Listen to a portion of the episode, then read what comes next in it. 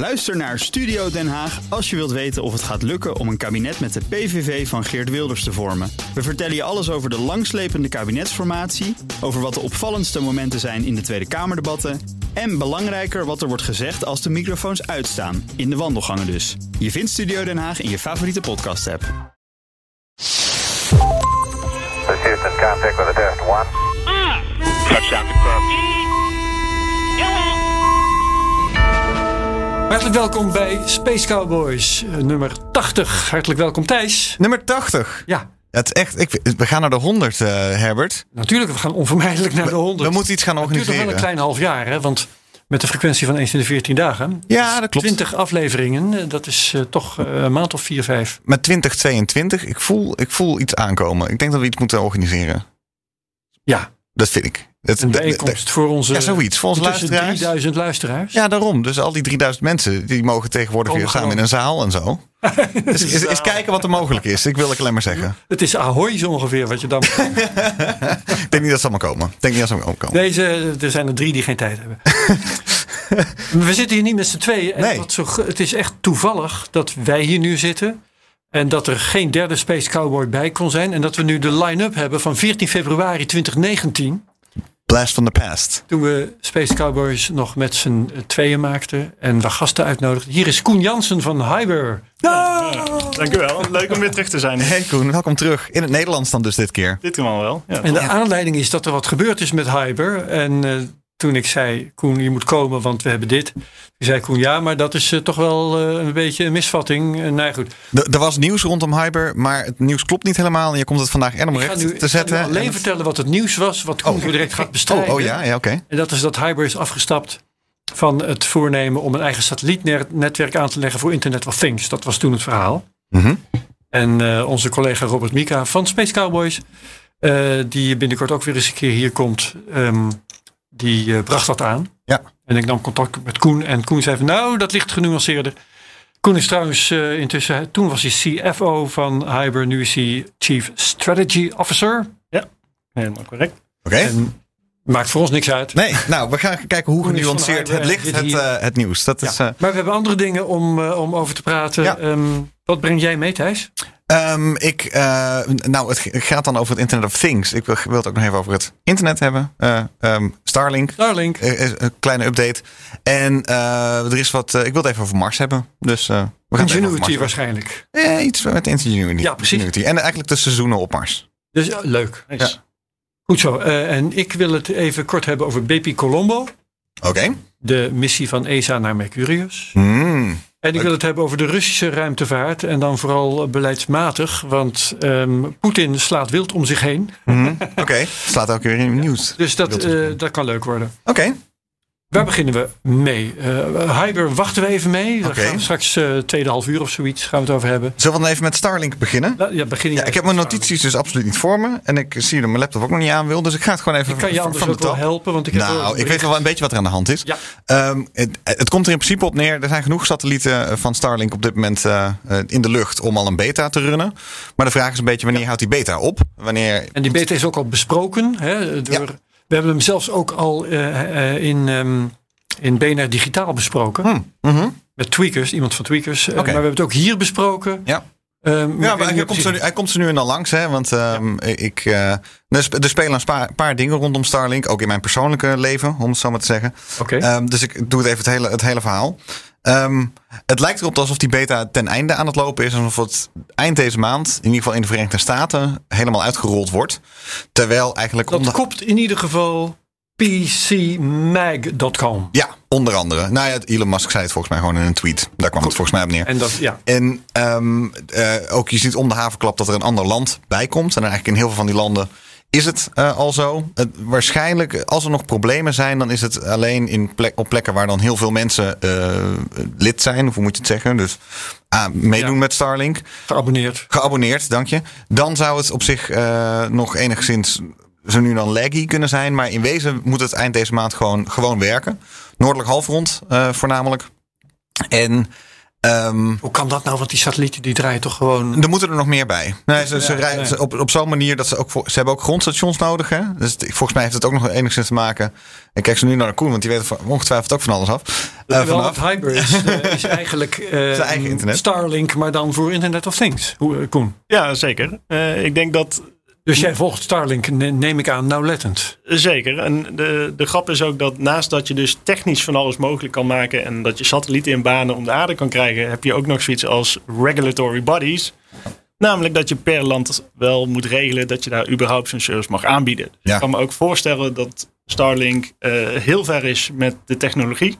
Maar bij een x aantal landen nog steeds door alle poortjes van de overheden heen moet om daadwerkelijk die service te kunnen uitrollen daar. Dat is ook, dat hè? zal er Ja. heel goed mee te maken kunnen hebben. Het he- heeft, heeft natuurlijk ook te maken met eh, eh, verdienmodel en eh, of je de administratie hebt opgezet. Ja. Ehm, en en ehm, ik, ik lees in PCMag.com ook dat zelfs voor de Verenigde Staten de coverage nog een beetje patchy is. Eh, ja, dat is het dus. Maar bijvoorbeeld dus de aanstaand weekend ehm, gaat er weer een nieuwe lading omhoog van eh, satellieten. Ehm, en dat zal gewoon blijven gebeuren. Er, moeten er, nog, er zijn er nu 1500 in de lucht. Er zullen er wel weer enkele tientallen, zo niet meer dan 100 weer bij komen. Ik heb nog nooit zo'n treintje gezien, weet je dat? Nou, dat, ik dus wel. Dat, dat koppelt tot Ik heb verschillende keren op de loer gelegen Ja? en Nou, het kwam nooit. Eh, Even nog over, ik zal het zo vertellen, maar even over, over Hyper, dat ik het goed begrijp. Als ik, als ik nog het verhaal van, van eerder ook nog begrijp. En Starlink. Starlink wil low latency, high bandwidth. Ja. Maar in, ehm, Hyper, zoals het ooit bedacht was, wilde ehm, voornamelijk brede coverage. Hoefde niet per se de hoogste bandwidth te hebben, maar zodat je maar voor overal in ieder geval je data kwijt kon. En dat ging dan over meer apparaten, minder bandwidth. Dat Ja, was dan de. En heel af en toe simpele updates van hey, ik ben hier, het gaat goed. Eh, Ja, en that's it. klein, In ja. plaats van non-stop internet, non-stop aan. eh, heel af en toe een update. Eh, low power, low cost. Precies, dus daarom, daar zag je al een dat het echt twee verschillende soorten eh, netwerken waren. Ik heb het, het treintje dus eh, wel een keer gezien. Toen zat Ja. ik in Frankrijk, in de Oh. Morvan, in de buurt van Parijs. En ehm, toen was er dus net eentje de lucht ingegaan. En dat was de eerste minuut te gek. want ehm, eh, we zaten allemaal te eten. De- Buiten, le- lekker het was laat, het was zomer en het was warm. En dat was, nou, leuk. één minuut vertellen, twee minuten vertellen, drie minuten vertellen. En terwijl het allemaal erover ging, bleef dat treintje maar doorgaan. Bleef dat treintje maar doorgaan. Tien minuten later was het treintje nog steeds bezig. En op een gegeven moment be- begonnen een paar van die Fransen van ja, alles leuk en aardig. Maar die braakten half in paniek. Zo van, wat, wat gebeurt hier in godsnaam? Uiteindelijk, toen Het einde stopte... der tijden is aangebroken. Het einde der tijden is aangebroken. En het, het treintje stopte. eh, na twaalf minuten stopte het even. Dus toen was nou eh, gelukkig. En toen begon hij weer. toen was een stukje verder begon het treintje weer. Dus het was. eh, We, we, op dat moment namen we allemaal afscheid van, van toch een soort sterrenhemel die we ooit gekend hadden. Ja. Natuurlijk zijn er altijd, eh, of altijd, zolang als dat ik leef, in ieder geval al wel satellieten in de lucht. En die je ook kon zien en zo. Maar het, het viel me ook afgelopen zomer weer op hoeveel satellieten je dus het ziet. En Ja. dat ik met een hele grote groep mensen eh, naar, de, naar de sterrenhemel aan het kijken was. En eigenlijk alle kinderen, ja, de satellieten waren het enige wat opviel. Want die bewogen. En de rest was toch eigenlijk maar gewoon een beetje saai, om het zo maar te zeggen. Ja, als er.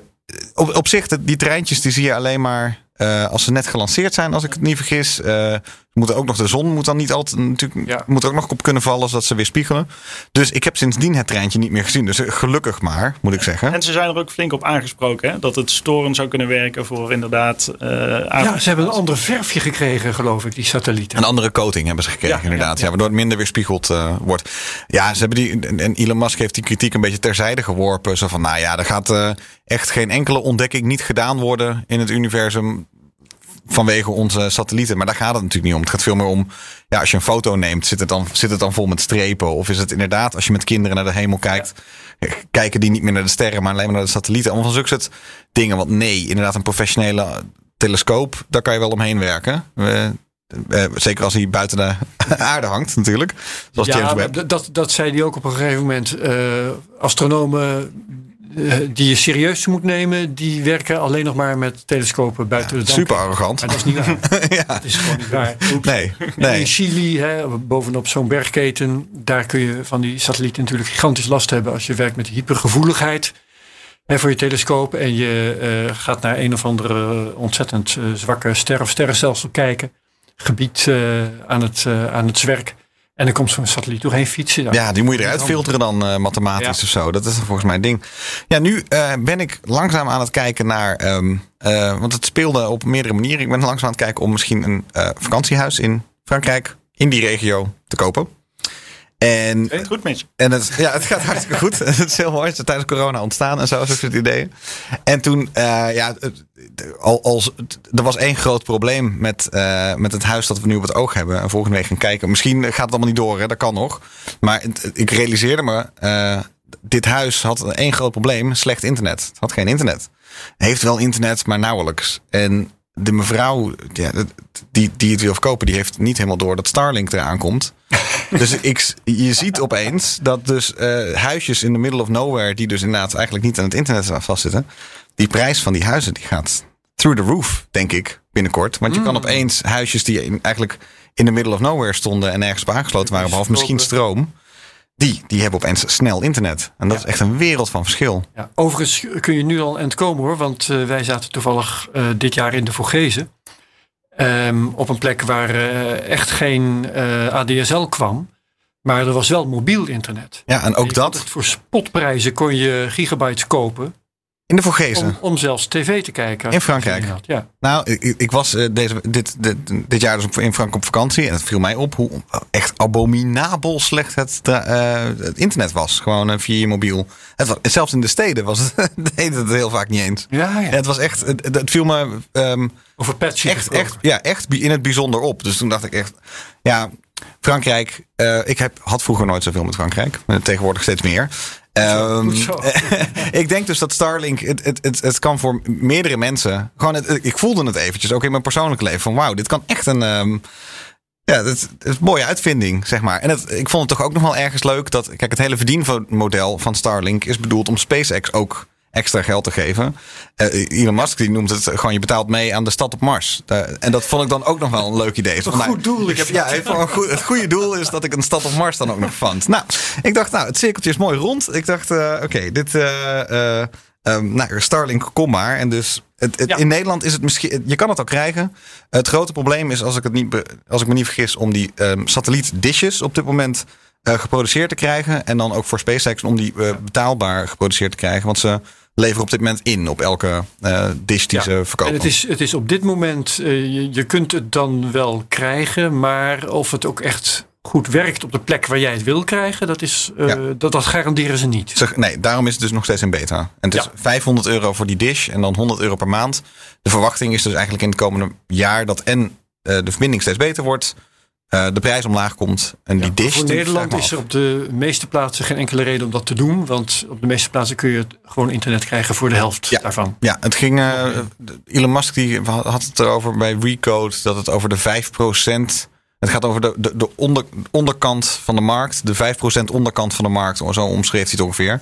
Zo van, het gaat echt dan alleen maar om die speciale gevallen waar eh, je dus waar het niet eh, dicht bevolkt is. Maar echt, echt dun bevolkt tot medium 5% bevolkt. is denk ik een getal dat geldt voor de Verenigde Staten. En ik denk dat het in Nederland veel minder is dan. Ja, oké. ja, nee, Nederland zal het inderdaad. Ja, Nederland heeft zo'n goed internet. Ja, we hebben zelfs. eh, We hebben een, mijn vader heeft een boshuisje, daar ligt zelfs glasvezel. Het slaat nergens op. geldt Ja. ook voor ons boshuis. Ja, de gemeentes hebben dat allemaal uitgerold. Dus Nederland is inderdaad niet, in 1, niet 1 2, 3 het, eh, het land waar het eh, Nee. voor bedoeld is. Maar andere delen van de wereld zeker. Dat is het qua Starlink. En dat is het wel, volgens mij. Ja, de, de, dus er komt weer een launch aan. Dat is ook wel leuk om te kijken dit weekend. Dus eh, Dit weekend. ja. Dan, eh, Dag tijdstip. Hoofd. moet even kijken. Ja. even kijken. Gewoon gaten Starlink googelen. Ja, Starlink. Falcon 9. Starlink Launch. Falcon Ja. 9. Ja. Oké. Nou, ehm, mijn eerste bijdrage gaat over eh, Bepi Colombo. En ik kan dat vrij kort houden, denk ik. Dat is de Europese ruimtesonde die Mercurius gaat onderzoeken. En die is nu voor het eerst bij Mercurius aangekomen. Is meteen weer doorgevlogen. Want eh, dat is onder, onderdeel van een hele hoop manoeuvres om, ik zal maar zeggen, gratis gravity assisted af te remmen. Eh, is eh, nu dus eh, een flyby. Notabene, hè, dat vond ik toch wel weer opmerkelijk. Afstand van 200 kilometer. Van Mercurius? Ja, Wow, Dat is dichtbij. dat is wel echt maar dichtbij, ja. 200 kilometer. Ik haal het even uit nu.nl. Eh snelheid van 50 kilometer per seconde.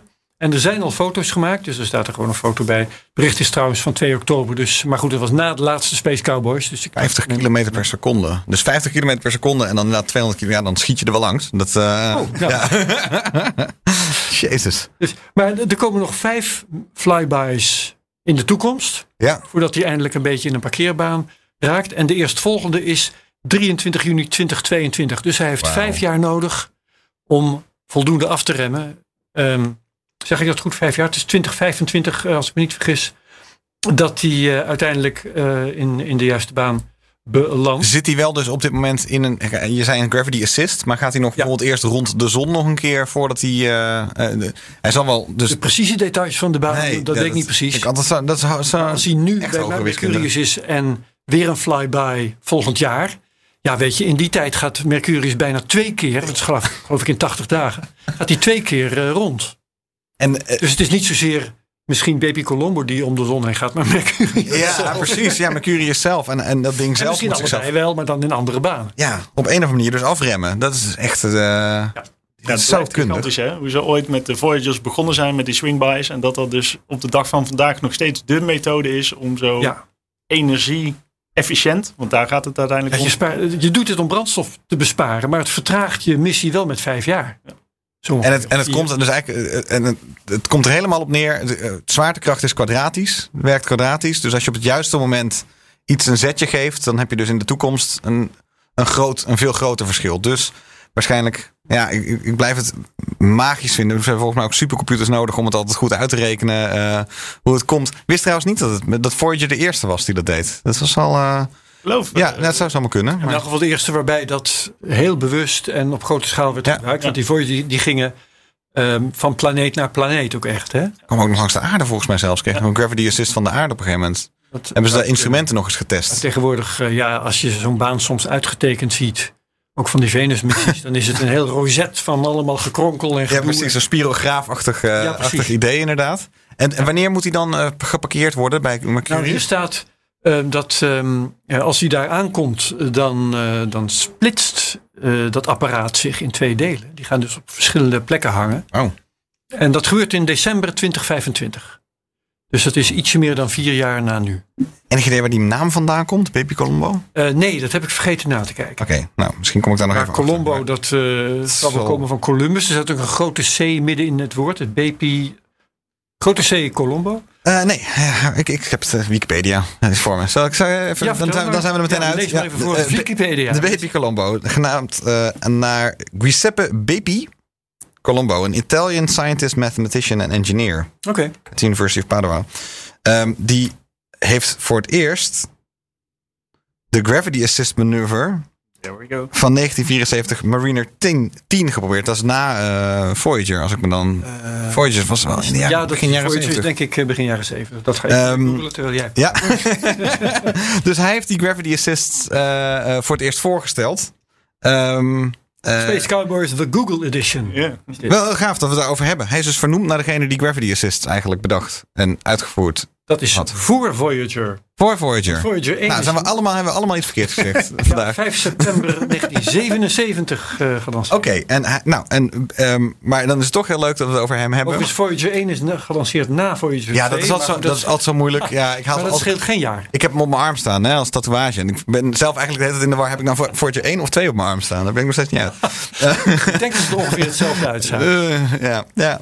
Ehm, maar goed, Baby Colombo. Ja, Eh, blijkbaar een. Italiaan, Italiaan die het Gravity Assist heeft uitgevonden. Nou, Ik vind het geweldig. zo wel mooi wat BP Colombo betreft. Wat is jouw tweede onderwerp ook weer?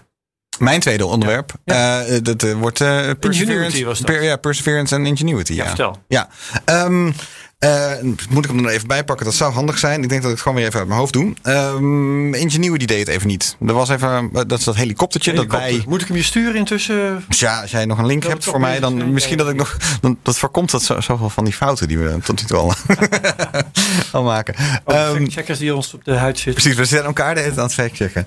Eh dus het, het begint ook winter te worden op, ehm, eh, op Mars. In ieder geval op de plek waar, eh, waar Perseverance staat. Als ik het goed begrepen heb. Ehm, Je hebt de link. ja, dank je. Ehm, er komt een hoop eh, CO2 in de atmosfeer eh, in de zomer. Ehm, dat komt vanaf de polen van, eh, van Mars in de zomer. Nu wordt het op dit moment weer winter en al die eh, CO2 die slaat weer neer als ijs. En de lucht wordt een stuk eiler. Ja.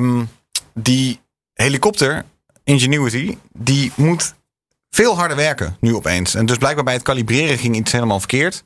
Ehm, waarbij, dus ze moeten constant eh, de propellers aanpassen aan dus die ijle lucht die er wel of niet Ja, die eh, moet is. vooral eh, harder gaan draaien. Hij moet harder gaan draaien. En dat kon hij dus niet. En, en het lukte niet. Hij moest volgens mij al twee keer zo hard draaien. 2,2 Nou, of zo. wat, ik ervan heb begrepen, Ja? dat was, hij moest naar 2800 toeren per minuut. Dank je. Ja. Moet nagaan, hè? dat is dus, ehm, eh, even kijken waar ik op uitkwam, ik geloof 45 toeren per seconde. Oké. Zo hard draait Ja. die helikopter. Dat is net zoals een harde schijf, toch? Echt bizar. Maar in elk geval, Dat is veel harder dan een conventionele helikopter. Mhm. En die test die lukte. En toen wilden ze gaan vliegen met 2700 toeren. Wat ik best een beetje raar vond trouwens. Want die 2800 toeren, dat moesten ze testen met het oog op mogelijke resonanties. Ja. En dan ga je dus echt vliegen bij een andere frequentie. Dat vond ik Ja, een dat beetje is een raar. beetje raar. Ja, hij moet naar eh, 2800. Dat zal wel een reden. In elk geval, als je 2800 test, dan kom je voorbij de 2700. Dus laten we ervan uitgaan dat dat ook getest is. Ja. Maar toen eh, bleken de actuatoren die de eh, stand van de ehm, propeller blades, hoe heet die dingen? Eh, de, De wieken. rotorblades, ja. De wieken De weekend. moesten ehm, aanpassen. Die bleken bij de test daarvan weer slecht te werken. Daar zat een bepaalde oscillatie in. Ja. En de oorzaak van die oscillatie zijn ze nu aan het opsporen. Ah, kijk. Je, bent veel meer in de, te- in de techniek gedoken. Heel goed. Ik was eigenlijk veel meer van, wauw, seizoenen op Mars. Wat awesome. mooi, zoveel elkaar mooi aan. Ja, precies. Ingenuity heeft het koud. Ja, Ingenuity heeft het koud, ja. Ik vond het, ik vond het wel lastig. Ik, ik vond het ook wel weer vet om te zien dat, de, en dat er dus ook de hele tijd weer nieuwe beelden van Ingenuity zijn uitgekomen. De hele zomer heeft hij eigenlijk meerdere tests Het heeft gedaan. nu al twee keer zoveel vluchten gemaakt als de bedoeling was. Kijk, ja. Dus een van de mogelijke oorzaken van eh, die oscillaties waar ze nu last van hebben, is eh, gewoon slijtage. Oh, nu al. Dus je ja. moet, kunt niet uitsluiten dat ze besluiten Ja. ehm, dat het verder niet meer gaat. ja, ik hoop alleen echt dat ze op Alles de volgende helikopter... gebeurt is bonus. Ah ja. Ik hoop dat, e- alleen dat ze echt op de volgende helikopter een camera zetten die naar voren wijst. Want je, je, bent, je kijkt nu alleen maar naar beneden. En dat is wel te gek. Maar dan denk ik, hoe kon het toch dat er even niemand heeft aan heeft gedacht? Ja, ik snap dat dat ding echt zo simpel mogelijk moest. En zo. Gewicht, hè? Gewicht. Maar toch op een of andere manier dat je, dat je toch... Je kan ook een bolle camera maken dat je, dat je het er weer uit kan halen. Maar nu zie ik Oh kijk ja, echt alleen maar naar de eh, grond. ja, ja, het zou gewoon te gek zijn. Echt zo'n lekker drone shot, weet je wel. Van Mars over die heuvels heen. Je weet toch wel. Maar ja, ik weet niet. Ik hou van drone vliegen. Dus het, eh, ik, elke keer denk ik ook van... Een, beetje een soort Hollywood shot van, van eh, eh, Mars af. Ik zit erop te wachten. Ja, ja, ja. Het is binnen een paar Mooie jaar. aanvlieg. Mooi aanvliegen. En dat je dan zo Perseverance ziet staan en zo. Dat weet je wel. Dat, eh, dat, toch, als je nu naar de vluchten kijkt. Of je probeert filmpjes te vinden. Dan zie je toch heel veel 3D-renderings. En niet. Ja. Ja, of dus die zwart-wit van de, van, van, van de bodem. Maar niet. Eh, nog niet helemaal wat je je voorstelt bij drone shots van Ja. Mars. Ik, ik ben een beetje verwend. Ik, dat merk ik, hoor ik aan mezelf. Jongens bij NASA, eh, betrek Thijs erbij, want die weet hoe Ik wil mooie beelden. Ja. heel mooi. Nee, dus dat. eh, Maar in ieder geval, het, het nieuwtje is ook dus. Hij doet het in principe nog wel. Hij, ook al had hij een, een beetje een probleem. Hij is dus al veel langer doorgegaan dan, dan voorheen. Dus hou die missie een beetje nog in de gaten. Ja. Perseverance sowieso. Ja, nou dan, dan hebben we Rusland. Ja, wat is in Rusland? Nou, van alles. Oh. Ehm, onder andere ernstige bezuinigingen op de ruimtevaart. Hey, en het ging natuurlijk al niet zo eh, denderend de laatste jaren. Nee. Nou, ehm, het, het, het grappige van het verhaal, ja, je, je zou er bijna om lachen, vooral omdat Poetin er een hoofdrol in speelt. Poetin schijnt ontevreden te zijn met de prestaties van de Russische ruimtevaart. Dus wat heeft hij nou bedacht? Eh, we geven ze minder geld. Werkt altijd. De-investeren helpt altijd. Ja. Dat zal ze leren. Eh, je kunt ze net zo goed naar een strafkamp sturen, maar misschien doet hij dat ook nog wel. Dus gewoon de komende jaren gaat er 16% af per jaar. Wauw. Echt fantastisch. Echt Eh, helemaal uitgekleed. Ehm, het, het budget voor de ruimtevaart was 2,9 miljard dollar, even omgerekend, hè, want we gaan niet in roebels rekenen hier. En er gaat om te beginnen 557, 557 miljoen dollar af. Oké. En ehm, dat dus de komende jaren gaat dat zo door.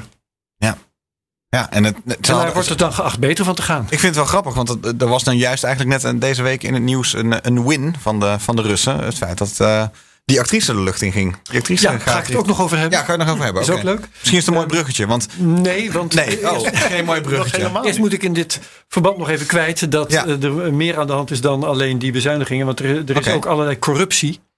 En dat, In Rusland? Dan, dan, Sorry. dit is de humoreditie van de Space Cowboys. ja, ehm, want als, als het gaat om de oorzaken van waarom het slecht gaat daar. eh, dan kun je wijzen naar de slechte salarissen die betaald worden. Dat is één ding. Ik haal dit allemaal uit Ars Technica. Hè, even tussendoor. Dat, we linken ernaar in de show notes. Dus lees het zelf ook vooral. Ehm, de eh, medewerkers van Roscosmos bijvoorbeeld, die worden slecht betaald. Nou, geen wonder dat het dan wat minder goed gaat. Ehm, maar ze hebben ook de directeur, dus een vriendje van Poetin. Hoe heet die man ook weer? Eh Rogozin. Mhm. En eh, die is betrapt op allerlei vormen van zelfverrijking. Door meneer Navalny, hè, die nu in een werkkamp zit. eh, nadat ze hebben geprobeerd om hem dood te maken. Ah, hij heeft het Ehm, eh, boven water gebracht, bedoel je? Ja, Ja. meneer Navalny heeft een mooie auto voor zichzelf gekocht. En ook eentje voor zijn vrouw. samen met een waarde van 300.000 dollar. Dus Meneer Navalny, zeg je het goed? Nee, pardon, nee meneer... Ja, die, Even factchecken dit, vergeten. Ja, precies. Ro- Rogozin. Rogozin. Die heeft de auto's zitten kopen ter waarde van 3 ton. En een Dacia ter waarde van, even kijken, 3 miljoen dollar. Dat is netjes. Mhm. Dus dat schiet, er- zeker voor Russische begrippen, schiet dat lekker op. Ja, Ehm, dus dat, wat zonde. Wat erg ook om te horen, hè? De, dat, dat, want, eh, Ja, Rusland, toch groot, een groot ruimtevaartland. was het Dat land het- waar Amerika mee in wedloop was. En dat is nou China geworden. En, ja, en waar eh, ze op een gegeven moment alleen nog maar eh, eh, konden meeliften naar het ISS. Amerika had zelf geen mogelijkheid meer. Ja. De Russen, ik bedoel tien dat jaar geleden. ook weg, dus inkomsten vallen ja. weg. Dus je kon zeggen, tien jaar geleden was er echt nog wel een kans geweest om nog iets ergens een En bepaalde impuls te heeft ook geven. geen eigen ruimtestation meer. Nee. Willen nu verhuizen van meeliften met de Amerikanen in dat opzicht naar meeliften met de Chinezen. Oké. Nou, maar goed. Ehm, Wat ook wel bijzonder is, dat Poetin intussen eh, hele ingewikkelde dingen heeft gedaan die ik niet precies kan navertellen. Maar dat is, eh daar verwijs ik ook naar Ars Technica. Ehm, hij bemoeilijkt het bericht geven over de ruimtevaart. Dan kan Koen ook meteen zeggen, dat werkt altijd. Wat? dat, Maar hoezo, hoe, hoezo doet hij dat? Nee, hij heeft allerlei organisaties die niet direct onder staatscontrole staan. eh, bestempeld tot buitenlandse agent. Oh, En die moeten in hun berichtgeving over eh, ruimtevaart, moeten ze, eh, in, binnen Rusland, moeten ze ook vermelden dat ze buitenlandse agenten zijn. wauw. Heel vreemd soort. Een soort ITAR, alleen dan eh, wat ze in de Verenigde Staten hebben. Dat je, als je in de buurt van een raket wil komen, dan mag dat om allerlei redenen niet als je buitenlander bent. Vanwege Koude Oorlogwetgeving. ITAR-wetgeving is dat. maar dat hebben ze dan daar ook, maar dan op zijn Russisch. Technica vermeldt dat het niet geldt voor de berichtgeving die zij doen voor buiten Rusland. Maar als je dus bericht Ja. wil doen binnen Rusland, dan moet je jezelf benoemen tot eh, foreign agent. Omdat Poetin dat zo heeft Ja, bepaald. lastig. Ehm, maar dan hebben we inderdaad ook nog eh, de eh, berichtgeving over ehm, eh, de activiteiten van de filmers in het ruimtestation. Ja. En dan zit ik even te kijken. Ja, dat heb ik hier. Er is een Russische ex-astronaut, Ovchinin. Die heeft zich gemengd in de discussie over dat filmen in het ruimtestation. Daar, Want er eh, was een actrice omhoog ja, gegaan. actrice, hè? daar weet ik de naam ook van, maar ik moet het allemaal opzoeken. Oké, oké. Tom Cruise die wilde eigenlijk als eerste, maar nu Ja. was, die is verslagen door een Russische actrice. Julia genaamd Perezielt. Julia. En er is een eh, regisseur, ehm, Klim Shipenko. Ja. Die zijn daar opnamen aan het maken. In het ISS. In het ISS. Die zijn daar aangekomen eh, een week geleden. Mhm. We nemen dit op. op. Vandaag is het 13 oktober. Op 6 oktober zijn ze daar aangekomen. Ze blijven er 12 dagen. Dus over 5 dagen vertrekken ze weer. Wauw, zo kort. Ja. Nou ja, Moet 12 ook wel. draaidagen voor een filmploeg. Dan moet je toch een redelijke hoop kunnen doen. Ja, nou ja, ik heb wel eens op 60 gestaan. Als je daarna nog een shot over moet doen, wordt het ook duur. ja, precies. Het is wel waar, ja. Nee, daarom, ja. Maar goed, ze zitten daar dus. Eh, en, en, maar eh, meneer Ovchinin, die eh, publiceert nu zijn, zijn mening. eh, en die is dat eh, dat toch een uitzonderlijke belasting is voor de professionele astronauten die in dat ruimtestation zijn. Want ruimtevaarttoeristen, zo bestempelt hij ze dan toch maar. En dat komt, klopt ook inderdaad wel, want ze zijn maar drie maanden opgeleid. krijg je echt alleen de basics. Ja. Die moeten gebabysit worden Ja. door de, het, het professionele team astronauten. Ja. En als er onverwachte dingen gebeuren, dan is dat echt gevaarlijk, zegt meneer Ovchinin. Dat is het natuurlijk ook. Ja. Ja. Ja, daar zal goed geld voor betaald zijn. Daar is sowieso goed geld voor betaald. Maar dan nog hè, zit je daar de normale gang van zaken vreselijk te verstieren. Ja. Ja. Dus dat is daar aan de hand. Ja, het, En, het, het gaat alleen maar meer voorkomen. Want eh, Tom Cruise had volgens mij zijn, Ja. zijn plannen nog steeds niet, eh, niet echt in de ijskast gezet. Het was gewoon, duurde allemaal lang. nee, We precies. horen er weinig van. Maar ik denk filmen en films zullen steeds meer gaan voorkomen natuurlijk. Ja, dus dat het is heel interessant. Ik ben ook heel benieuwd naar de opname. Want ik heb eh, de- allerlei dingen voorbij zien komen. Maar onder andere ook hoe tot voor kort ehm, opnamen die gewichtloosheid moesten suggereren. Hoe die in werkelijkheid werden gemaakt. En er zijn allerlei trucs voor. Maar ik heb dus echt gewoon eh, acteurs en actrices aan lussen opgehezen zien worden. Om dat zweven wat je in gewichtloosheid doet Oh. eh, na te bootsen. Nou, dat werkt heus wel. Ja. Kun je allemaal elektronisch weer opkalefateren en zo. Maar eh, nu gaan ze dus het echte werk eh, doen. En dan krijg je natuurlijk ook wel effecten die je anders niet ziet. Zoals dat je, gezi- je gezicht wordt een beetje pafferig. Ah, je haren gaan alle kanten op Ja, eh, het- dwarrelen en Het zal realistischer zijn. Ja, ja, dus het is wel interessant. Ik ben heel benieuwd naar het resultaat. Wist je trouwens Maar dat er een nieuwe commander was? Pardon? Er is een nieuwe eh, iemand nieuws als commander van het ISS. Dus ook net een wisseling van de Die wacht is net binnengevlogen. Ja, twee dagen voordat die actrice eh, aankwam. Het is nu Thomas Pesquet. Oké. En het is een Frans, Frans uurtje vandaag, want eh, hij is de eerste Fransman die ooit eh, commandant, hoofdcommandant van het ISS is. Weten we dat Juist. ook weer? Ja, dus die is dan nu aan de, aan Toch weer een primeurtje. Ja. dus dat, eh, dat is hij nog tot eh, 8 november. En dan wordt het Anton, Anton Schlaplerov. Ehm, Ja. Die, En dat eh, is degene die nu die filmploeg begeleidt. en die begeleidt nu die filmploeg. Ah, hij wordt, hij wordt Hij commandant is dus de babysitter. Hij is de babysitter. ja, Hij brengt ze naar het toilet en weer terug. En, eh, nee, maar goed. eh, bij een emergency dan, dan lopen die vreemdelingen, die toeristen, nog meer in de weg dan ze in het dagelijks leven toch al doen. Ik hoop dat ze veilig weer thuiskomen in ieder geval. Ja, ja, ja dat ook. Het vertrek is dus, even kijken, ik denk op 18 eh, oktober dan. Ja. Iets in die buurt. Oké, Oké, dat Nou, is eh, Rusland. zijn we al bij. Voor dit moment zijn we bij. Eh, moeten we het over Hyber gaan hebben? Ja, laten we het even over ja. Hyper hebben. Het, het verhaal was dus, en Koen spreekt vooral tegen, dat eh Hyber afziet van het verder aanleggen van een satellietnetwerk voor het Internet of Things. Ja, en met die zin is niks mis mee. Alleen de rest van het artikel wat in de Nederlandse pers naar voren kwam, daar zitten zoveel ruwe kantjes aan en zo ge- ongenuanceerd eh, door ook een stagiair eh, initieel geschreven, dat ik Oei. het is best prettig om daar even wat ander gewicht tegenaan te Ja. gooien om uit te leggen wat er eigenlijk echt aan Maar laten we dan is. beginnen met het essentiële eh, onderdeel dat dan blijkbaar wel klopt.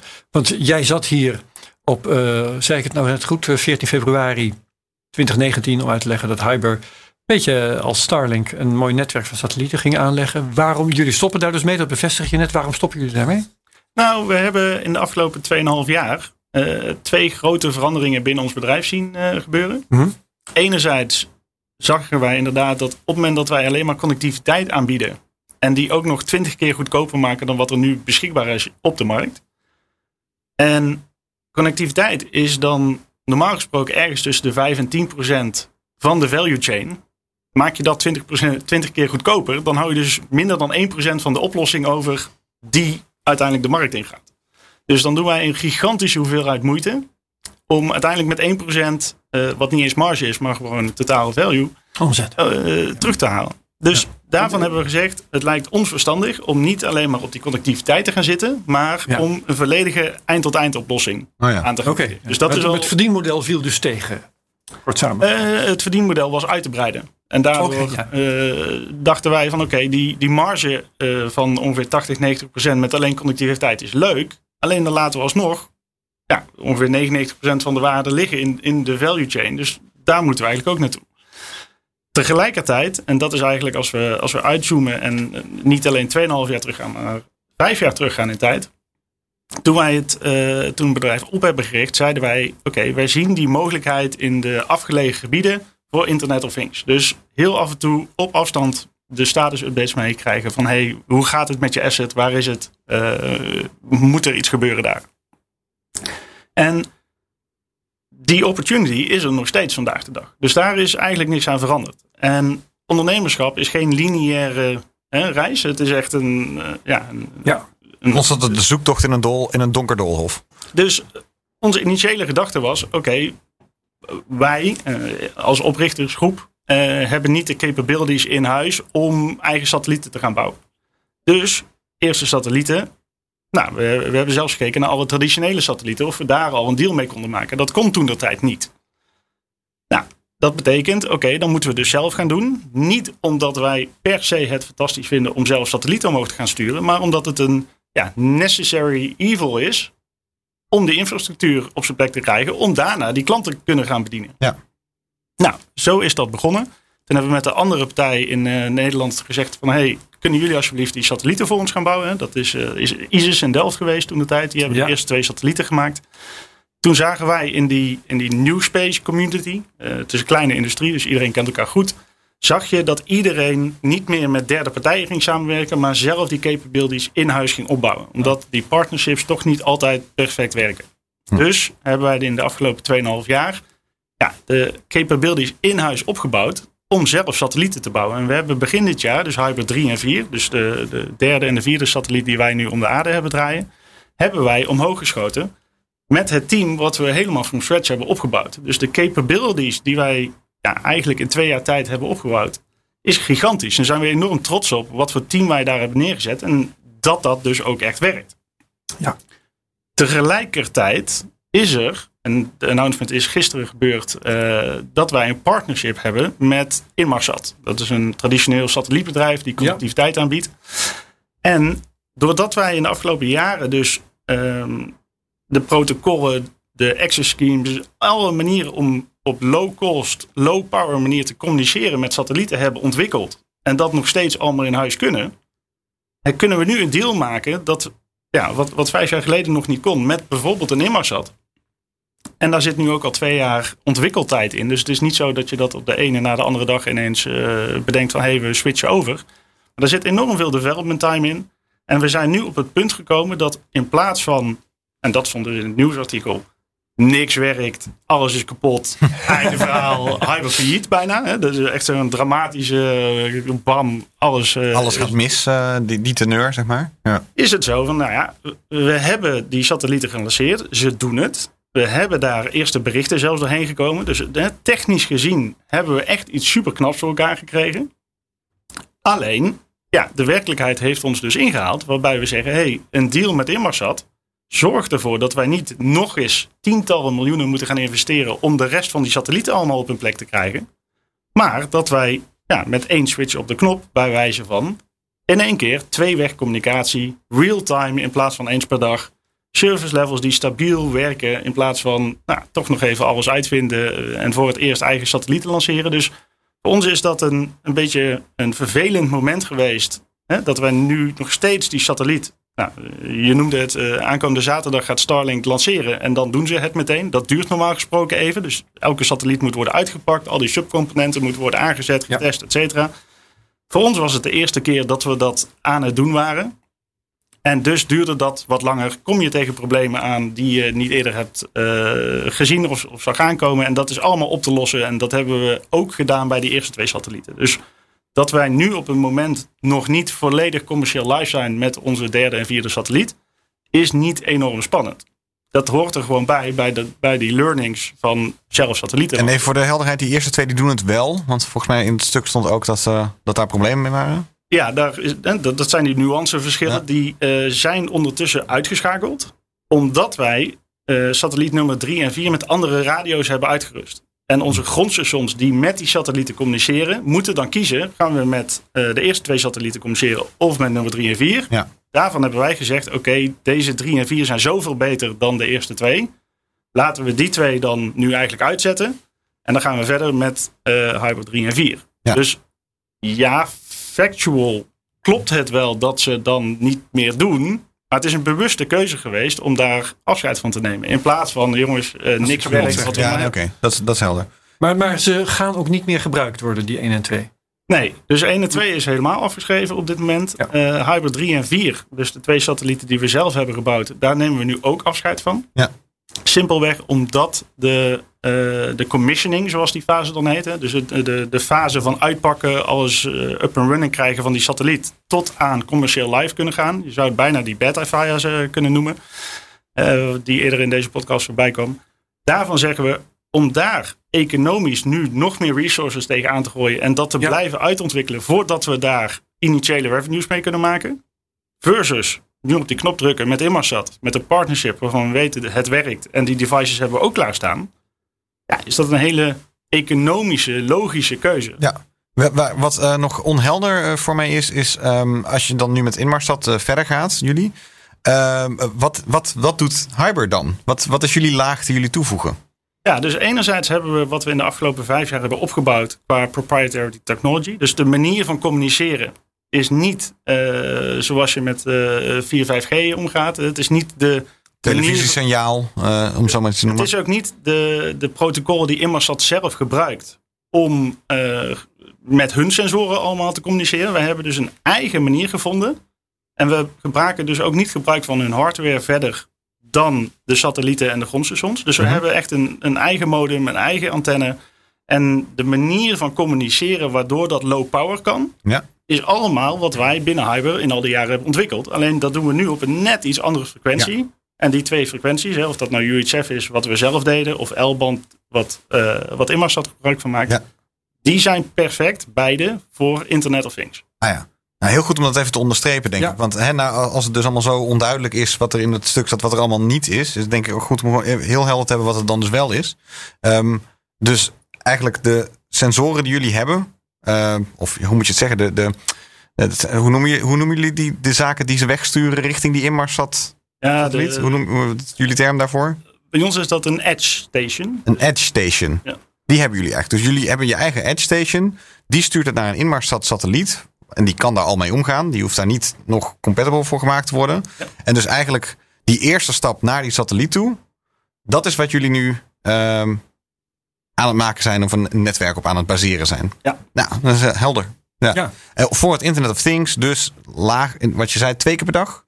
Eh, ondertussen kan dat dus eh, two-way, dus op en neer. In plaats ja. van alleen maar vanuit de sensor naar de satelliet toe, nu twee kanten op. Ja. En daarnaast zijn we, waar we met onze eigen satellieten maar eens per dag zouden kunnen uitlezen, Mhm. eh, gaan we nu naar geostationaire satellieten toe van Immersat. En kunnen we dus real-time die data uit gaan lezen. Real time. Ja. Dus De, de stap van eens per dag naar wat oorspronkelijk het plan was, zeg elke 15 minuten. Mhm. Ja, daar zouden eh, in het artikel stonden 24 satellieten. Waarschijnlijk zouden dat er meer dan 70 moeten zijn geweest. Ja, dat kost tientallen miljoenen om op te bouwen. En, en misschien wel vijf, zes jaar Ja. voordat je daar bent. En nu kunnen we dus morgen diezelfde klant al bedienen. Ja. En even ook weer voor eh, wat ik nog kan herinneren van ons vorige gesprek van twee jaar geleden. Tweeënhalf jaar geleden? 2,5. Ja, ja. Jezus, we zijn- doen we dit al zo lang? Want, Wordt nou, leuk. Ehm, eh, bijvoorbeeld ehm, boeien in het in, in- midden in de oceaan die bepaalde waterkwaliteit meten of bepaalde de- de vervuiling of in de jungle eh, een van de project dat ook zijn data kwijt moet en in de middle of nowhere. Dus je kan heb je heb je zelf nog leuke voorbeelden van van sensoren die ergens op zitten en denken van oh dat dat is ook nog een toepassing. Nou, we hebben wel in, in al die jaren enorm veel van dat soort Internet of Things toepassingen eh, voorbij zien komen. En ik denk dat Internet of Things ook bekend is door de phrase eh, a death by a thousand verticals. Omdat er zoveel zijn. En als je niet focust, dan ga je dus automatisch failliet. Omdat je overal domeinkennis nodig hebt. Ja. En wat wij hebben gedaan is, we hebben nu twee productlijnen in de markt gezet. Eentje is heel erg specifiek voor de energiemarkt. Dus we hebben een, eh, een leuk contract getekend met Shell bijvoorbeeld om al hun all-well monitoring te doen. Dus elke keer als die, als die ja-knikkers dus op en neer gaan, zou je normaal zeggen, hey, Shell verdient geld, dat is hartstikke leuk. Maar wij willen ervoor zorgen dat dat ook op een sustainable manier gaat. En dat op het moment dat daar lekken zitten bijvoorbeeld, dat dat daar ter plekke gemeten kan worden. Dus al die blowouts die je nog steeds helaas met regelmaat in het nieuws hoort, kunnen allemaal voorkomen worden door die kastjes van ons op die plekken te zetten. Kijk. Ander grappig voorbeeld is, eh, is dat wij nu in Papua Nieuw-Guinea, helemaal in de middle of nowhere, ehm, met een helikopter over een berg heen in de middle of the jungle, daar onze sensoren aan het plaatsen zijn. Omdat we dus echt willen aantonen, in de meest remote places of Earth kunnen wij ook nog steeds deze dienst aanbieden. En eh, ja, super trots dat we dat met ons team voor elkaar hebben gekregen. Maar Een, wild, een wildcamera voor een orang-oetangs of zoiets. Nou, ook, Wat, ook- gaat hij wegsturen? ook in dit geval is het weer over eh, het zoeken naar olie. Dus, in, Oh ja. eh, dus Hmm. de energiewells die daar worden geslagen. Om ervoor te zorgen dat eh, enerzijds men weet wat voor productie daar gedraaid wordt. Mhm. Aan de andere kant ervoor zorgen dat mochten er lekkages zijn, mocht er onderhoud nodig zijn, dat men dat eerder te horen krijgt dan via het nieuwsbericht. En wat ik nu even niet begrijp, want je zegt we zijn sensoren aan het plaatsen en zo. Ehm, ik had steeds het idee dat jullie eigenlijk infrastructuur aanbieden.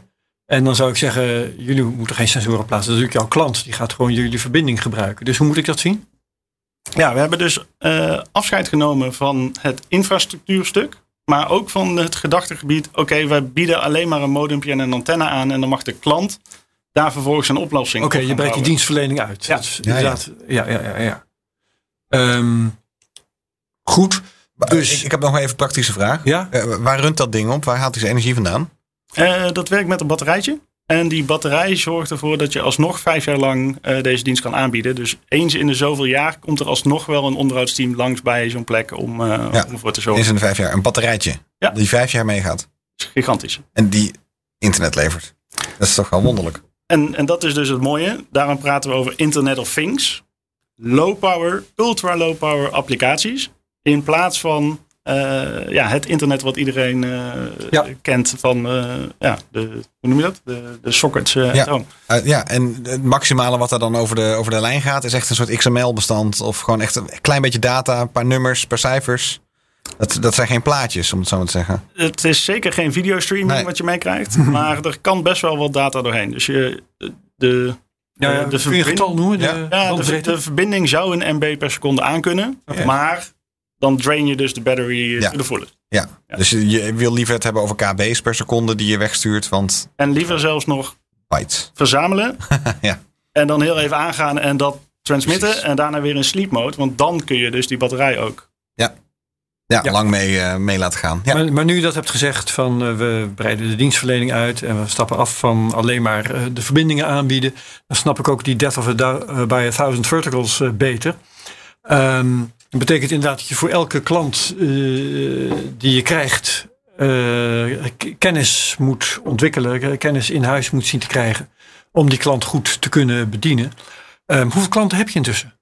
Ehm, nou, dat, dat is eigenlijk het, eh, eh, zelfde hoeveelheid als dat we daarvoor al hadden. Dus we zeggen rustig een 100 plus klanten die eh, met ons ook de transitie maken. Voor het grootste gedeelte in ieder geval. Van oké, hier is de modem en antenne. En af en toe naar oké, nu zijn we helemaal live en we kunnen commercieel eh grote getallen aan. Ja.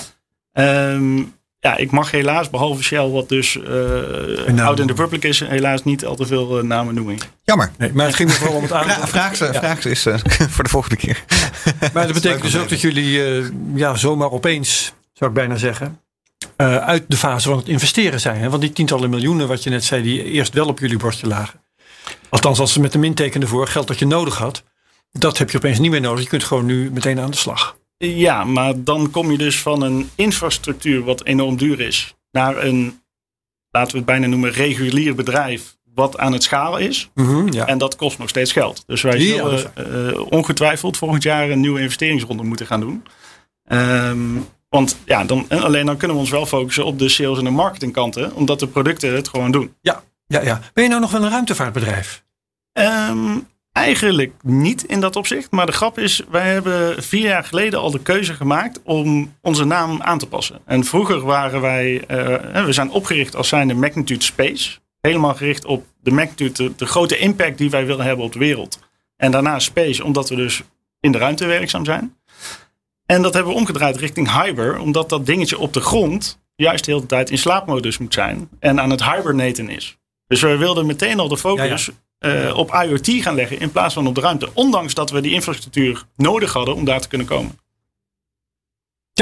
Snap ik. Ik kreeg een eh, nieuwtje opeens eh, door. Een nieuwtje door. Nou, een kleintje. William Shatner is eh, succesvol weer terug eh, geploft op Hij is eh, alweer terug. Ja, dat is even breaking news tussendoor. ja, William Shatner. hij is alweer terug. Ja, en ik vind het echt een best wel suf. Wat ik wel grappig vond, Sorry voor even deze kleine uitstap. Ja, ja, ja. Maar ja, dat, ja. Toen ik, toen ik hier ehm, zat in afwachting van, van jullie tweeën, eh, eh, dingen klaarzetten en zo voor, voor deze opname. Toen kwam er een collega langs en die vroeg aan mij: Gaan jullie in Space Cowboy aandacht besteden aan William Shatner? En ik had geen idee waar hij het over had. Oh ja, nee, we hebben, het, in- we hebben het wel gemeld hoor. Een paar weken geleden een keer. Oh, is dat zo? Toen? Ja, ja, ja. want, want eh, bij het voorbereiden van deze aflevering van Space Cowboys hebben we met nou ja, het complete team, intussen acht man groot of zo, hebben we in Mhm. onze appgroep op onderwerpen besproken. En allerlei collega's die er nu niet zijn, hebben wel onderwerpen ingebracht. En Shatner was daar niet bij, volgens mij. Nee, want, want, maar je merkt dus aan heel veel. Dat was ook toen, eh, toen Bezos en. eh, Wie gaat er nou weer omhoog? ja, precies. ik, zag, ik zag Bezos hem volgens mij net een speltje op. eh, de- maar hij is dus echt alleen maar weer op, op, op, de Blue Origin manier naar boven gegaan. Dus even naar Dus boven. naar 80 kilometer. 80 kilometer, even aantikken en weer terug naar beneden vallen. Dus eh, wat was het weer, zes minuten? Ja, ja, ik, ik, nou ja, en dan zie je dus de celebrity ervan maakt het dan dus nieuws. Ja, en ik vond het dus een beetje. is ook de bedoeling bij- natuurlijk, Ja, bij? Bezos en Branson vond ik het had ik ook al een beetje zoiets van. Iedereen die lo- loopt, loopt jou ongetwijfeld ook, wij als hosts van Space Cowboys aan je kop te zeuren van, oh, eh, vind je dat spannend? Vind je dat spannend? En ik zei, nee, het boeit me eigenlijk helemaal niks. Eh, sorry of zo. Ehm, en dat zie je dan dus nu weer. Van, eh, als er, zodra er dan bekende mensen bij komen kijken, is het, is het opeens belangrijk. Terwijl als je kijkt wat hij gedaan heeft, dan is het dus ja, nee, echt wel leuker dan wat, je- wat je twintig jaar geleden kon doen. Maar het, is, het valt zo ontzettend in het niet bij wat, eh, wat SpaceX op dit moment aan het doen is. Dus Ja, dat is een dat, feit. dat is een beetje, het, het verbleekt helemaal. Wat, wa- Dus, eh, ik heb tegenwoordig bijgedachten als ik eh, met name Blue Origin dan bezig zie. Ik weet niet wat jullie daarover eh, kunnen zeggen. Maar ehm, er zijn dus intussen ook wat klokkenluiders eh, geweest. Die hebben gezegd van nou Blue Origin eh, is een bedrijf met een redelijk toxische cultuur. Eh, wat ook bekend is van Amazon. Hè? Ja. En ehm, dat gaat zover dat eh, sommige ruimtevaartdeskundigen zeggen... ik zou dus nooit met die raket meegaan. Want het is niet veilig. ah, dat zelfs. Vanwege de werkcultuur. Eh, ja, indirect wel. Omdat een eh, toxische werkcultuur, nou daar weet NASA ook alles van. Die leidt ertoe dat vroeg of laat eh, eh, de dingen niet goed gebeuren. Dat informatie niet bij het hogere management aankomt bijvoorbeeld. Of dat het werk niet goed gedaan wordt, op welke manier dan ook. Mensen die slecht betaald worden. Mensen die misschien niet Ja. genoeg, goed genoeg opgeleid zijn. Of, eh, of de pest in hebben. En dan, eh, dan kun je wachten op ongelukken. Nou, hij heeft het overleefd, zo te zien. Dus hij, William Shatner heeft het over. hij ploft eh, goed neer. Hij- En die raket die landt ook heel goed. Dus, gebleven. Dat is toch best een Jeff Bezos hukt eh, iedereen die eruit komt. Nou, kijk eens. Kijk eens. Ja, die is er Nou, meneer, met zijn zonnebril op. Ik kreeg nog een eh, vergelijkbaar eh, gerucht mee. Eh, een, een ander ruimtevaartbedrijf in de Valley, genaamd Swarm, is eh, door SpaceX overgenomen. Ja, En de mensen die dus voorheen bij Swarm, hippe start-up, cool bedrijf, nu bij SpaceX werken. Daarvan heb ik in ieder geval van één of twee meegekregen dat ze zeggen, joh, de cultuur is zo'n omslag. En ik zal even niet eh toxide woorden gebruiken daarvoor, maar zo'n omslag. Dat, dat was eh, positieve of negatieve? behoorlijk negatief. Ja, bij SpaceX. Ook. Ja. Ja, Ja, want want- SpaceX is ook niet kinderachtig. Eh, Musk legt ook de zweep erover. Ja. Natuurlijk hoef jij niet te bevestigen, Koen. Dat maakt mij niet uit. Maar dat, eh, dat, dat, dat is dan het idee. Ja, ik heb, ik heb hier volgens mij op ergens op Reddit of op Twitter ook iets over langs zien komen. Dus Swarm is recent overgenomen door SpaceX? Ja, en alleen de FCC, dus dat is ook waar ons document eh, naar voren is gekomen. hè. Dat is een publiek document wat je dan moet eh, aangeven richting eigenlijk de Amerikaanse overheid. Van hey, dit zijn onze nieuwe plannen. Eh, en wij stoppen dus in dat opzicht via ons eigen netwerk met de Amerikaanse markt bedienen. Dus dat doen we voortaan via Inmarsat. Dus we Mhm. gaan gewoon door met de Amerikaanse markt. Maar via eenzelfde constructie heeft Swarm aangegeven... hey, SpaceX gaat onze filings overnemen. Dus de frequenties die zij eh, hadden toebedeeld gekregen. Ah ja. En verder is er nul announcement over die hele deal. Ja. Alleen omdat er dan zo'n document tussen zit wat publiek moet worden, eh, weet men dat daar een deal gemaakt is. Dat er überhaupt een deal is gemaakt. Want de reden waarom ze zijn overgenomen is nog Daar- onduidelijk. Wat, wat deed Swarm dat ze uniek maakt, om het zo maar te zeggen? Ja, ook met kleine satellietjes proberen Internet of Things connectiviteit teweeg te brengen. Mhm. Eh, en het lijkt erop, maar dat zijn natuurlijk dan ook alleen maar geruchten, eh, dat het een acqui-hire geweest is, zoals ze dat Oh, dan ja. noemen. Dus het hele bedrijf kopen om uiteindelijk die mensen dan in dienst te hebben. Ja, daar gaat het dan gewoon om. Ja, ze, ze waren natuurlijk, ze zijn bij SpaceX ontzettend op zoek naar mensen. Die bedrijfscultuur, die, de- de- ze hebben het een beetje het idee, de aarde vergaat ongeveer over een week. Dat is een beetje de, waarop ze opereren. En dus we moeten nu zo snel mogelijk Naar van de, Mars. naar, van de aarde weg zien te komen naar Mars. En Zulke bullshit. ja, nou, dat, dat, over, dat van over een week, eh, dat, ehm, eh, dat vind ik ook wel redelijk te veel. Van een, een week of een maand of zit zo. er is voor mij in dat je eh, naar Mars gaat in plaats van de aarde te fixen. Nee, Dat oh dat ja, is- zou nee, dat, nee, ben ik niet mee eens. Ja, nee, daar, daar, daar- want, want dan, dan kan je hè, de hele, kan de hele geschiedenis zelf kan je dan zeggen van waarom zou ik van huis weggaan? Nee, nee, nee. nee. kan Het, gaat om, het gaat om de reden. Ik vind het een prima idee om naar Mars te gaan. Dat is Mhm. interessant. Maar niet om, omdat de, de aarde niet goed genoeg meer zou zijn. Nee, nee, nee, nee dat is, maar dat is volgens mij ook niet de reden. De reden om het nu te doen met high urgency, als ik, als ik eh, Elon Musk eh, goed begrijp van die tour met eh, Everyday Astronaut. Mhm. Toen had hij het erover van. ehm, de samenleving, de maatschappij, heeft misschien maar een narrow window waarin het mogelijk is. En dat vind ik niet eens een hele rare gedachte. Hmm. Want als je kijkt naar hoe, eh, gewoon in de geschiedenis kijkt, eh, hoe lang soms totale samenlevingen helemaal weer afgebrokkeld zijn tot, tot maar een schim van wat ze ooit waren. Maya's en zo. Ja, Italië. En, eh, en, en als je kijkt naar de Verenigde Staten op dit moment, heeft natuurlijk ook echt alle tekenen van rot in zich zitten. Ja. ja. gewoon eh, door eh, slechte, gewoon enorme inkomensongelijkheid. Daarmee ook slechte opleidingen, behalve voor een, kleine groep mensen die het goed kunnen doen. Ja, dan zie je dat, dat en, en misschien dus ook op een gegeven moment niet de wil. Dus gewoon, dat zag je ook in de jaren 80, 90, 2000. Van er was geen interesse. eh de interesse verdween eigenlijk eh, behoorlijk. Dat het niet een hele bizarre gedachte is. Dat als je energiecrisissen hebt en je hebt misschien eh, klimaat, klimaatcrisis en je hebt politieke crisis. Dat er op een gegeven moment weer een 100 jaar of zo zou zijn. Net als de afgelopen, laten we wel wezen, de afgelopen 50 jaar. Dat het opeens allemaal een beetje op zijn gat ligt. Dat het allemaal niet, niet lukt. Dus dat er dan op een gegeven moment iemand komt die zegt. Ja, misschien is er helemaal niet eindeloos een kans. En moet ik nu, nou ook nu Elon Musk eh, zelf kon bedenken hoe het dan moest. Dat je toch daar inderdaad wel iets van urgency in hebt. Nee, dat je dan zegt van nou, de aarde vergaat over een maand. Dat is misschien nog weer net iets te veel of zo. Maar ehm, op zich kon ik me er dus wel in vinden. En heb ik niet het idee dat eh, de Mars ook maar in de komende 200 jaar een betere plek zou zijn om te vertoeven dan, de aarde. Dat was geen zins. Nee. We hebben het over millennia, denk ik. Daar, Ja. daar heb je het over. Nou goed, je moet er een keer mee beginnen. Dat eh, Ja, ook precies. Ja. precies. Dus eh, nee, wat dat betreft eh, is het alleen maar een compliment voor de mensen die dingen proberen. Misschien nog een bruggetje naar Groen te- terug. Want het is, het is interessant dat je zegt van je moet de hele tijd natuurlijk veranderen. Van eh, ja, je moet, als je dat niet zou doen, dan, dan had je hier op een gegeven moment niet meer gezeten. Meer gewoon als een space geïnteresseerde, maar niet meer als eh, de sti- chief strategy officer natuurlijk. Ik ben wel benieuwd Ja. eh, wat jullie nog nodig hebben om een winstgevend bedrijf te worden. Nou, dat is eh, denk ik meer klanten op het netwerk aansluiten. Eh, Ja. De supply chain werkt niet per se mee. Covid heeft in het begin even voor een hele stop gezorgd eigenlijk. Hè. Dus alle bedrijven, alle klanten die wij hebben, zeiden in het begin daarbij ook... joh, eh, hartstikke mooi dit soort nieuwe innovatieve projecten, die leggen we even terug in de kast. We gaan eerst maar eens even onze core kijken hoe dat allemaal goed gaat. Maar na zes, negen maanden kwamen ze toch wel terug met... Hey, het is toch wel handig als wij op afstand kunnen blijven monitoren waar onze assets, eh, hoe dat ervoor staat, et cetera, et cetera. Dus eigenlijk is die hele markt eh, eh, met vijf tot acht jaar misschien wel versneld. En, en, ja, en wij doen dus mee in die, in die vogelvlucht daarvan. Dus dat is ontzettend leuk. Maar om naar profitability te komen, ja, een kwestie van meer dozen het veld in, in dat Ja. opzicht. Dus toch dat opschalen. En eh, toch even voor mijn, want je zegt we doen de infrastructuur niet. Maar je hebt dus wel een product. Je hebt wel een, een item, om het zo maar te zeggen. Ja, de hardware blijft dit keer gewoon op aarde. En die blijft gewoon op aarde. En die heet dus een Edge. Een edge station. Een Edge Station. Ja, dat is een leuke naam. Ik bedoel, dat, Ja.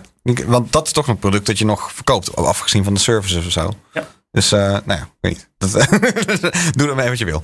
Ik heb nog iets, ehm, want deze Space Cowboys loopt op zijn eind. eh, wat we hadden moeten vragen, maar vergeten zijn te vragen. Over Hyber. Ja, Wil je nog iets kwijt?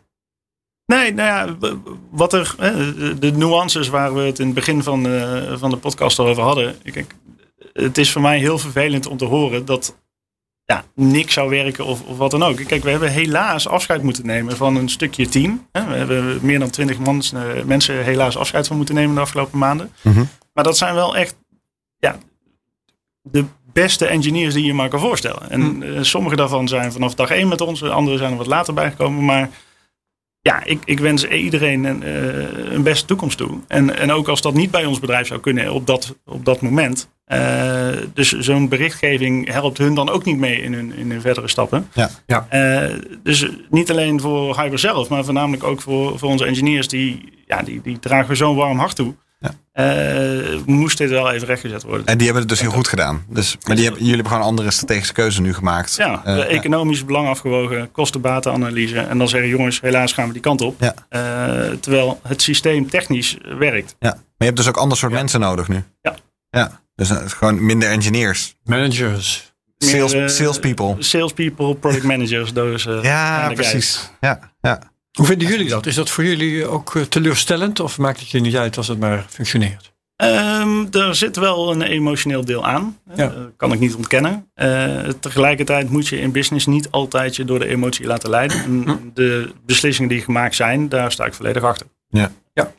Dat is helder. Ja, hoeveel mensen werken er dan nu als je 20 mensen hebt? eh? Eh, Goed, nog ja. steeds een stuk of 55. Oh, wauw. Ja. Dus, eh, Ja. Nee. Nou, helemaal helder. Nou, dan heb ik geen vragen meer. Wij wensen jullie alle succes. Ja. Nou, zijn. tot, ja, tot we over eh, weer-. Ja, als er dus inderdaad weer een update is, dan eh, zie je wel weer een keer terug. Misschien worden jullie nog wel weer eens een ruimtevaartbedrijf. Wie zal het zeggen? Ehm, Dankjewel Koen Jansen van Hyber. En dankjewel Herbert Blankenstein. Dankjewel Thijs Roes. Oh, joh. Eh, dankjewel luisteraars. Dit was Space Cowboys nummer 80. Op naar de We 100. zien jullie graag over twee weken weer terug. Doei! Doeg.